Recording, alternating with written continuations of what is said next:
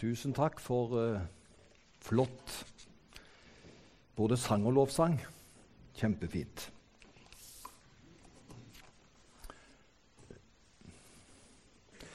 Da er jeg, som det ble introdusert, kommet til kapittel fem, som er del fem i serien. De fire foregående og det er typisk Paulus, syns jeg. Han, han, legger en så frigjørende grunn. Så de fire første kapitlene, da er nåden veldig fargelagt. Man ser hvor viktig det er, og han sier det. Nå sier jeg det på min måte nåde dere hvis dere er loviske. Det er det han sier, for da har vi falt ut av nåden. For man kan ikke ta, ha to herrer, loven og nåden. Du må velge. Og i det kapitlet Jeg skal ikke nevne det, for jeg tar bare noe av det. Men der står det at dersom vi vender oss tilbake til omskjærelse og loviskhet, da sier Paulus rett, da døde Kristus til dere til ingen nytte. Og Da kan vi tenke oss når det, er så sterkt at det, det, Kristus har gjort, det er til ingen nytte hvis vi tar en annen utgang enn den som har med Jesus og nåden å gjøre. Så da skjønner vi at nåden den er helt avgjørende. Og det er, jeg må si det, det er litt for mange loviske kristne også i 2019. Jeg må bare si det. Og Derfor må Gud hjelpe. Derfor taler jeg dette til meg sjøl, for at jeg skal bli mer fri. Eh, for ordet må gå igjennom meg også, ikke bare til tilhørende. Og jeg trenger å høre at det er nåden som gjelder. Det er den som er det avgjørende. Og så vil den også justere oss. Så etter fire veldig sterke kapitler hvor nåden er veldig dominant hos Paulus, så vrir han det til praktisk menighetsliv. Og det er på plass i dag, for vi er midt i et menighetsliv. Og da blir kapittel fem, og også det vi skal ta neste gang jeg taler, kapittel seks, det blir mer praktiske veiledning, hvordan nåden får konsekvenser i livet vårt i hverdagen. Så eh, det er ikke tvil om at, eh, at eh, nåden er viktig, men nå blir nåden praktisk. For nåden må bli også praktisk i våre liv. Og Før vi skal ta bilde nummer to, det er en stund til jeg skal lede, ta bilde nummer to, så vil jeg lese fra kapittel 5. Og Da leser jeg vers 16-21. Og Da har jeg tatt meg frihet til å lese det slik som det står i Hverdagsbibelen. Det er litt mer konkret der, men du vil kjenne det igjen.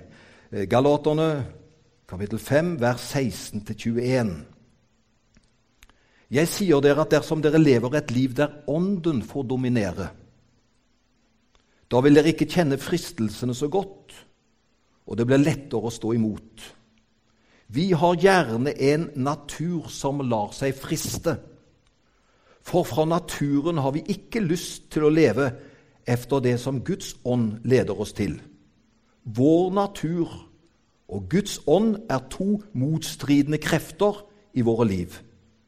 Men den som legger sin vilje i Guds hender, vil få hjelp av Guds ånd, og livet blir ikke så slitsom kamp mot alt man skal prøve å stå imot.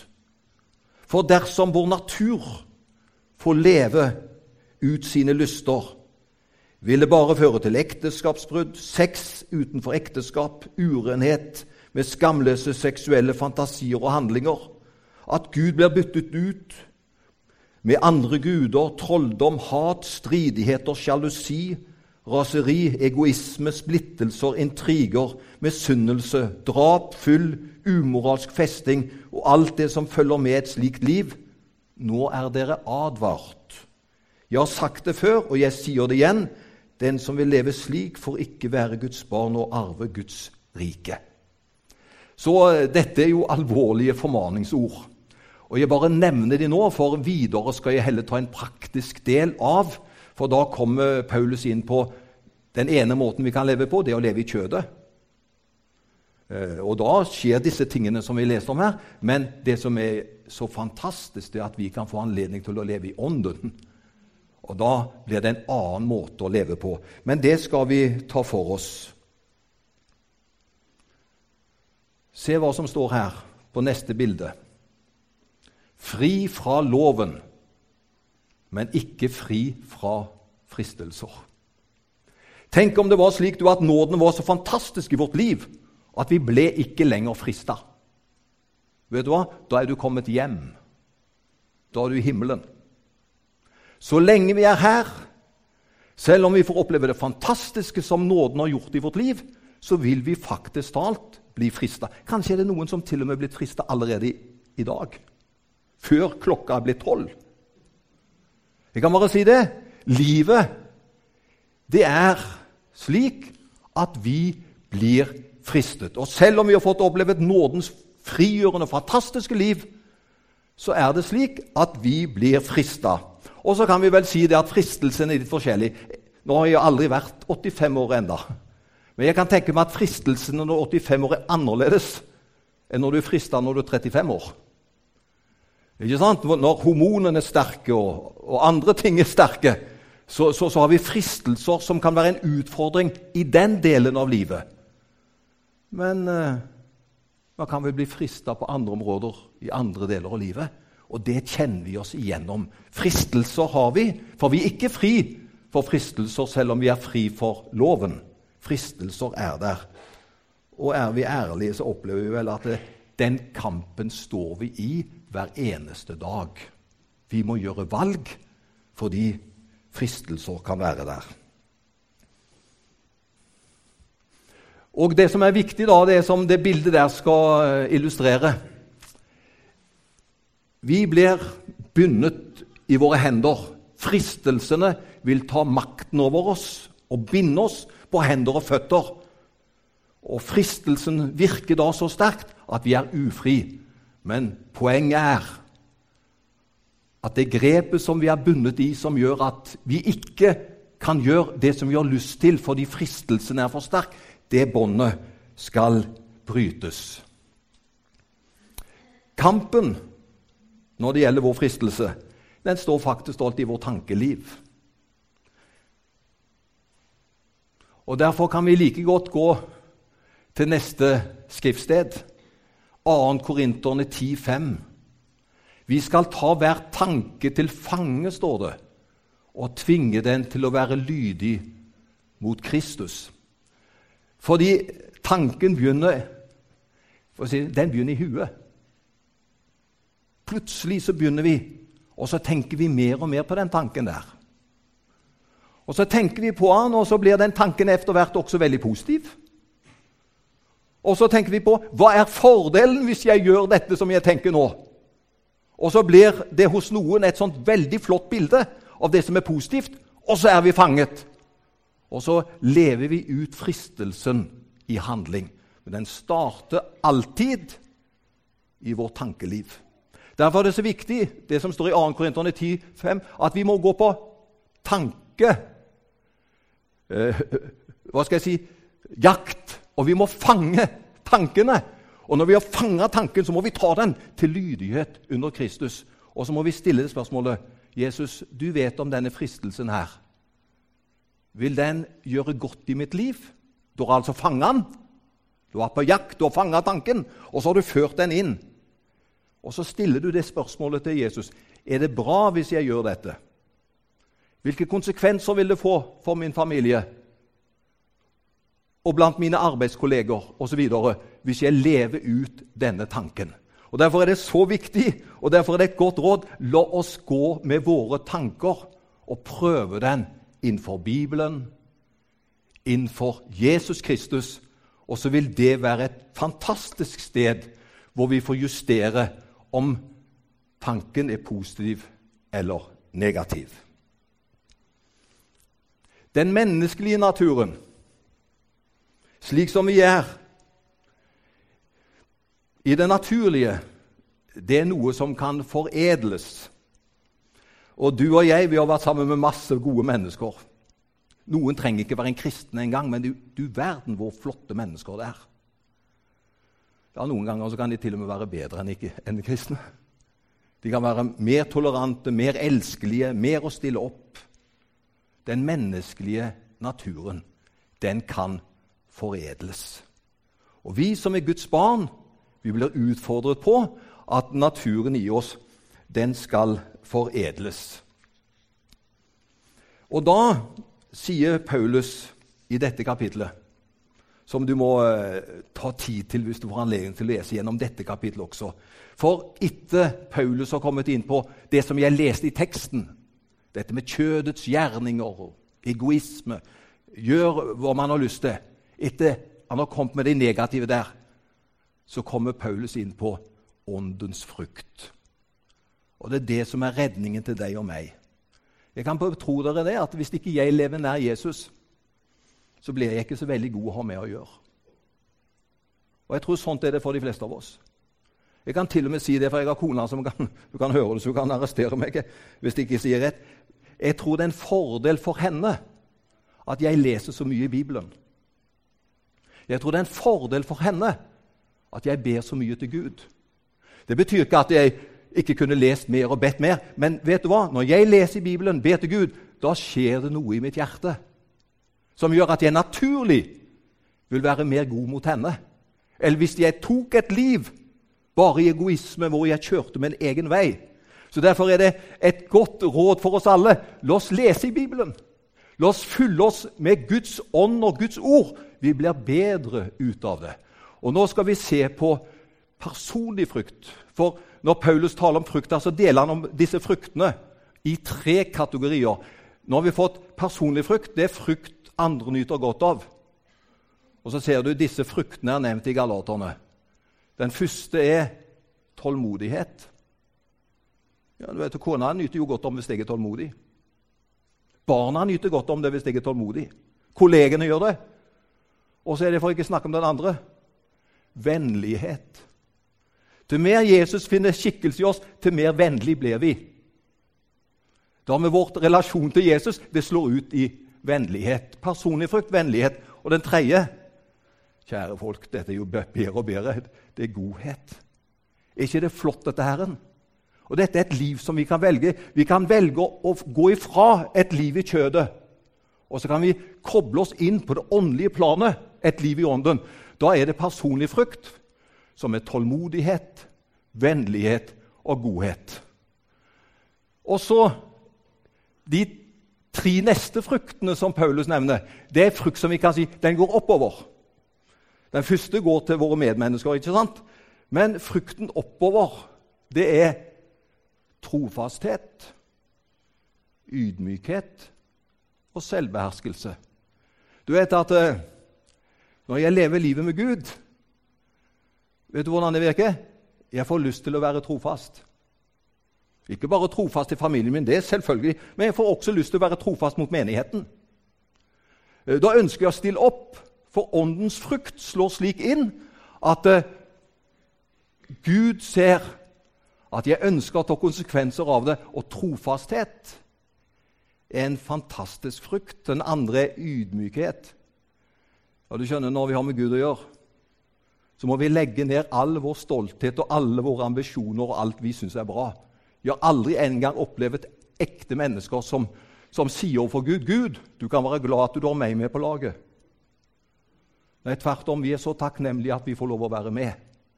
Og det er den ydmyke som Gud gir nåde. Til mer ydmyk, ydmyk vi er, til mer har vi av hans sinnelag og hans karakter, og til mer kan han bruke oss. Så frukten oppover det er trofasthet, ydmykhet og selvbeherskelse. Det er ikke så lett å være selvbeherska når vi er unge og ny på veien. Men når Den hellige ånd får virke mer og mer i vårt liv, så slår det også inn på at det, det gjør godt overfor selvbeherskelse. Du har lettere for å telle til ti før du handler. Du handler ikke så fort i kjøttet. Du lar det gå via Jesus og den åndelige dimensjonen som er selvbeherskelse. Og så er det den Var det ikke Var det den siste, det? Ja, det er riktig, det. Men nå har vi det alle sammen. Personlig frykt, kjærlighet, glede, fred. Frukt oppover, tålmodighet, vennlighet, godhet. Opp frukt mot Gud, trofasthet, ydmykhet og selvbeherskelse. Da har vi det, ikke sant? Da kan vi gå videre. Vi kan legge til rette for et godt liv. Tenk at Herren har gjort det slik at det, hvordan ditt og mitt kristent liv er, det er ingen tilfeldighet. Det er liksom ikke sånn Det var bingo hvordan det ble med mitt kristent liv. Nei, vi kan faktisk legge føringer hver enkelt hvordan vi ønsker at vårt kristent liv skal bli. Og Derfor kan vi legge til rette for et godt liv. Og det er, som jeg allerede har nevnt nå, hvis vi skal få et godt og et rikt liv, så er det så viktig at åndens frukt får prege oss. Og så vil jeg bare si det for at ingen skal tape motet. Det blir ikke frukt på én dag. Frukt er en prosess. Frukt har med et liv å gjøre. Det har med at du gir næring til kristenlivet ditt. Da opplever du at frukt vokser fram. Det begynner med en blomst for å bruke ute i naturen, ikke sant? og så blir det eh, Det er ikke mitt fag, dette her, men hva blir efter blomsten? Eh, blir det, blir det, en kart, eller hva, hva det er? ikke? Og så blir det mer og mer moden, og så blir det til en fantastisk frukt. Jeg vet iallfall hva frukt er. og så har jeg sett blomster. Men det er en prosess, ikke sant?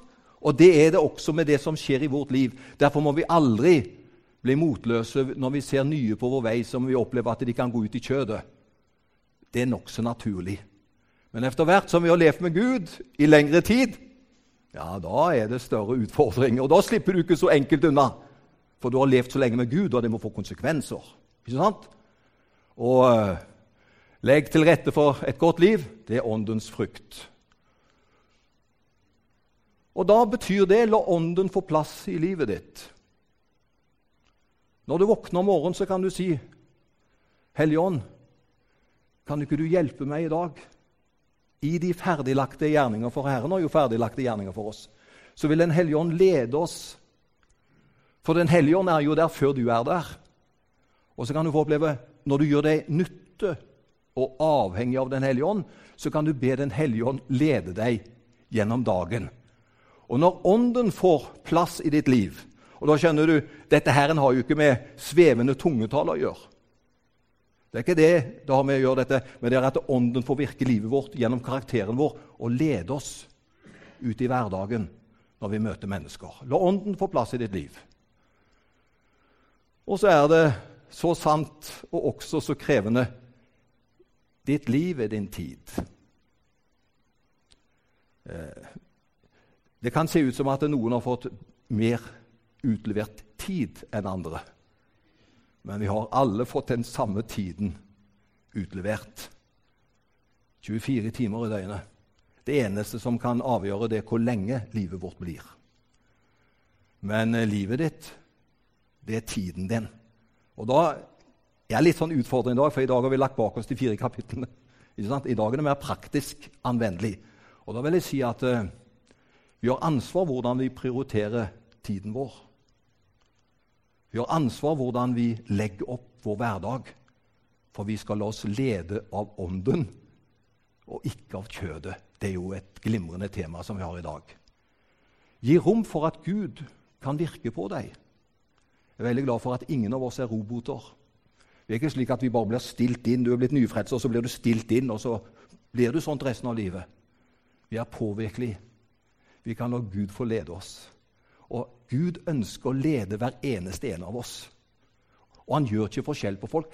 Du kan bli like tydelig leda som en hvilken som helst annen. Vær åpen for at Gud vil lede deg i hverdagen.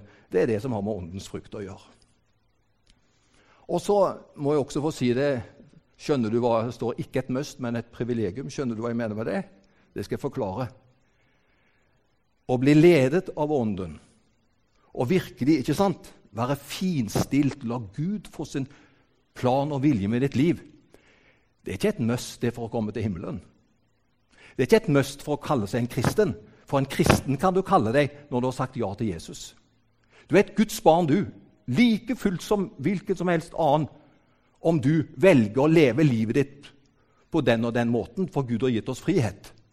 Men det er et fantastisk privilegium å gjøre Guds vilje, er det ikke det?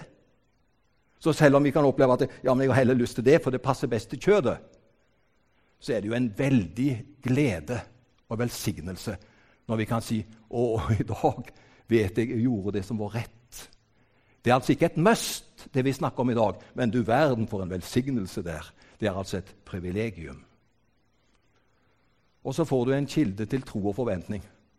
når åndens frukt får leve i ditt liv, og du lever innenfor Gud, den allmektige, da får du en kilde som gir deg både tro og forventning.